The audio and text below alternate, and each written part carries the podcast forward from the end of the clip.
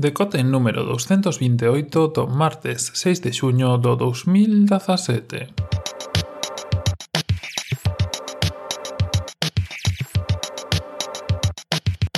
Bos días e benvidos a esta nova edición do Decote, como xa vos advertía onte, Pois hoxe imos falar un pouco do que presentou Apple na WWDC, na charla inaugural, e como sabedes, bueno, logo estos días hai outras charlas onde presentan cousiñas, falan cos desarrolladores e introducen novas cousas que seguro que algunha pois hai a palestra para falar dela máis adiante. Dito isto,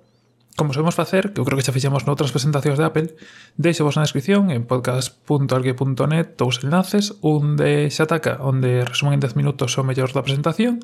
outro de The Verge en inglés onde o fan en 19 minutos. O desataca é narrado por eles, os cortes de vídeo non son moi aló, o de The Verge é directamente sacando cortes da propia presentación e digamos que fan así unha montaxe onde a presentación se presenta así mesmo en 19 minutos. Mellor o de The Verge sempre, pero bueno, si de xustos de tempo te os desataca. E seguramente xa veríades moitos por redes sociais e similares o que presentaron, así que tampouco hai que meterse outra vez a repetirvos o que xa vos estarán contando pois blogs e podcast e outros medios hoxe. Así que, se si vos parece, o que imos facer é falar das cousiñas que non se trataron na presentación ou que se trataron moi de pasada e así falar un pouco do, do que non ides ver hoxe tanto. E comezamos estas cousiñas que non se falaron tanto falando de Monument Valley 2. Non sei vos fixastes, pero cando foi a presentación da nova App Store, da nova tenda de aplicacións en iOS, o xogo que saía de cabeceira, o xogo principal, era Monument Valley 2. Non sei se gastes o primeiro, Monument Valley, estivo gratuito, se non me equivoco, o verán pasado ou anterior, un xogo de puzzles, super interesante, moi ben diseñado, con gran música, E pois aproveitouse así a presentación de Apple de onte para meter de forma subliminal esta nova entrega de Monument Valley. Moi recomendable, igual que as anteriores, a 5.49 na App Store, que, bueno, é un pouco... é un prezo que non estamos acostumados a pagar, pero xo ben o merece, e moi recomendable, sobre todo, pois, se non vos te cataste desde que era esa imaxe que estaba aí na cabeceira na App Store. Pasando a outras cousas, estas xa gratuitas, Cosas que presentou Apple pero que non saíron a palestra está o Business Chat. Dentro de iMessage, Apple acaba de sacar unha nova funcionalidade que será con iOS 11, onde permite facer eso que se leva falando xa algún tempo que ia meter Facebook, Twitter, WhatsApp, que é o tema de que as empresas podan utilizar iMessage para facer o seu servicio de soporte ao usuario. Eh, en Apple chamane Business Chat, está dentro do, do que son os textos e un pouco a información e documentación de iOS 11 e esta función, pois pues eso, permite que a través da identificación de usuario de, de iMessage, que, bueno, como sabedes, son varias cousas, desde o teléfono ata o correo, as empresas poidan facer a seu soporte aos usuarios, que está bastante ben, E supoño pois, que acabarán introducindo o resto de, de plataformas que estaban aí que sí que no, como vos digo, como Twitter, como Facebook e como WhatsApp. Outras cosas que tamén veñen con iOS 11 e das que tampouco se falaron foi do soporte para NFC. Sabedes que os iPhone, Apple Watch, os novos, eu creo que iOS 6, o iPhone 6 xa o traía, o iPhone 7 xa o trai, o Apple Watch tamén o trai, e o soporte NFC que está Near Field Connection, que é un sistema de comunicación que, co que funciona, por exemplo, Apple Pay. Ata agora, ata iOS 10, que a versión na que estamos a maioría de nós, só servía para, pois, para facer os pagos. Nesta nova versión iOS 11 abren a funcionalidade que chaman Core NFC que sirve para que eh, terceiros, a través de, desta funcionalidade, poidan facer uso deste sistema para algo máis, como por exemplo pois o típico nos museos que teñen lectores QR e NFC para indicarte onde estás, información sobre os cadros e este tipo de cousas, pois que con móvil podes achegalo e ter ese tipo de información. Está ben porque abre pois este sistema que en Android leva facilmente cinco anos aberto, servía pois para enviarse documentos e enviarse cosas entre, entre Android, como o Bluetooth, pois abre un pouco máis, non chega a abrilo tanto como para poderse enviar cousas entre, entre iPhones, pero sí que permite pois que terceiros poidan utilizalo para recibir información, e bueno, permite que algo que estaba no iPhone pois sea un par de niños, poda ser utilizado e poida ser mellorado ata, ata certo punto.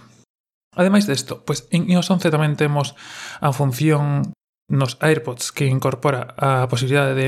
ir para diante e para atrás nas pistas de música, sabedes que até agora tiña só unha función asignada aos AirPods, asignábase desde o menú dos AirPods, onde se podía indicar que querías que, que fixese cando tocabas o AirPods por fora, nese pequeniño trackpad que leva no exterior.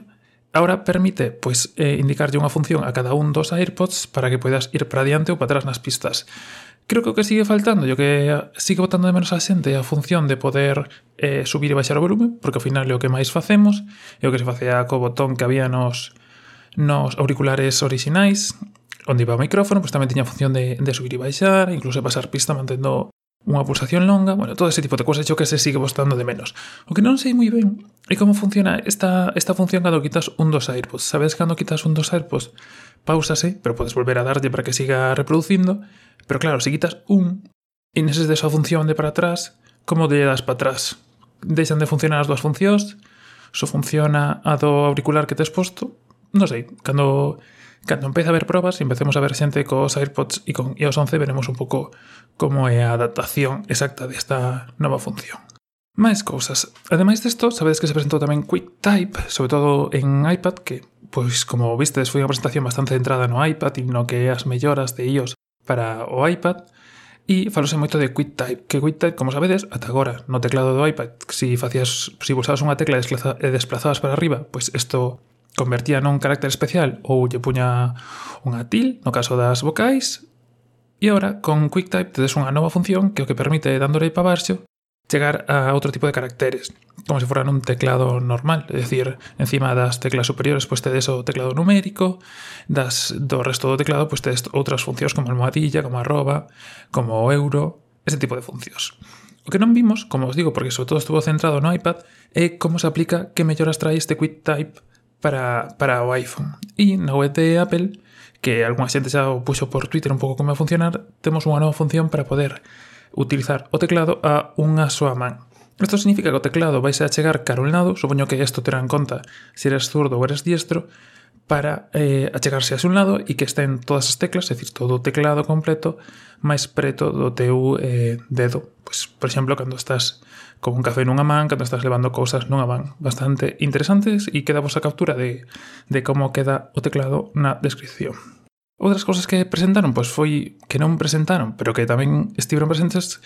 eh, son referentes ao Apple Watch e que, por exemplo, xa está a venta a correa de nylon da edición do Día do Orgullo. Como sabedes, foi unha edición especial que se repartiu entre os traballadores de Apple e, pois, agora volve a estar disponible nesta ocasión na tenda de Apple para que queda a poida mercar. Son 59 euros, 59 dólares, e, bueno, hai tedes dentro das opcións de, de nylon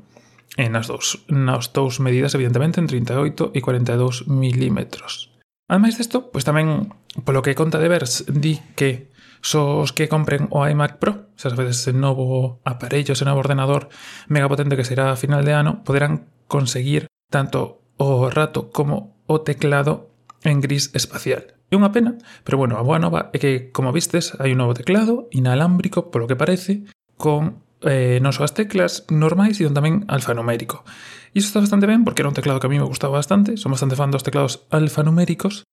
e bueno, que volva, anda que non sexa en gris espacial, sino en versión normal, que se si non me equivoco xa está a venda, o sea que se si queredes mercar xa é algo que se pode mercar xa, e eh, pois pues, é unha volta. Por lo que parece, de momento, o crise espacial vai quedar solo para ese novo iMac e para os seus compradores, Y pues seguro que en el futuro pues acabarán sacando nuevas cosas, pero de momento pues habrá que esperar a decembro para telo. Por último, dúas novedades que tampouco se, se sacaron a palestra sobre iOS 11. Unha delas é eh, o Float Unused Apps, que basicamente o que fai é descargar, descargar no sentido de quitar, eliminar as aplicacións que non se estén utilizando, é unha cosa que está desde os sistemas, desde os controles do sistema, onde pois marcando esta opción o que fai simplemente é que aquelas aplicacións que non se estén utilizando, que son aquelas que hoxe en día é moi fácil descubrir cales son, porque unha vez que se actualizan, como sabedes, as aplicacións quedan con unha marquiña diante do icono de core, indicando que foron actualizadas e que aínda non foron abertas, pois basicamente todas aquelas aplicacións que teñades con os iconos de fai bastante tempo son aquelas que levades moito tempo sin abrir. Ahora, pois, o que fai o sistema automáticamente eh, é eliminalas e quitalas, ainda que non borra a vosa, a vosa información, simplemente as eliminada aí para deixar espacio e faino automáticamente. Ademais desto, e por último pechando xa as cousiñas interesantes que daron na presentación, tamén se melloraron os controles do volumen. Non sei se vos pasou algunha vez que estando en YouTube ou, bueno, vendo calquer tipo de vídeo, se si lle dades a subir ou baixar o volumen, aparecen os controles no medio da pantalla e directamente non permiten ver nada do vídeo que estades vendo, que é bastante engorroso e pouco útil. Nestos novos controles, pois, deixamos tamén unha imaxe na descripción, podedes ver como os controles aparecen, neste caso, na parte superior dereita, non no medio da imaxe, moito máis útiles, moito máis pequenos, e, bueno, permiten vos controlar tamén desde aí toda a imaxe e todo o control. E pouco máis por hoxe. E, ademais desto, pois creo que a nivel global creo que se me meteron moitísima presa a toda a presentación, non sei se a vistes enteira, pero eu que puiden ver, tive a sensación de que iban apuradísimos con todo, por exemplo, Craig Federini, parecía que todas as presentacións tiña presa en facela, unha detrás de outra, pasando diapositivas a toda velocidade, e E supoño que ten que ver con que durou pois, dúas horas e vinte, que non é moi normal en Apple, que normalmente pois, en hora, hora e media acaban despachando. Supoño que tamén deixarán moitas novedades, sobre todo de iOS 11 para setembro, outubro, cando presenten o novo iPhone,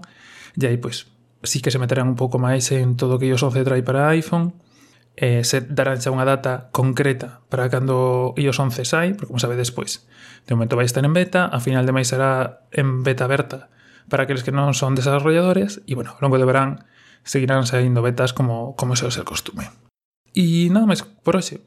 Con isto pechamos, mañá volvemos xa así a hora de sempre, e, como sempre, tedes todos os enlaces e formas de contacto en podcast.org net y volvemos por aquí mañana con máis cousiñas e xa diferentes de Apple e as súas cosas. Un saúdo e ata mañá.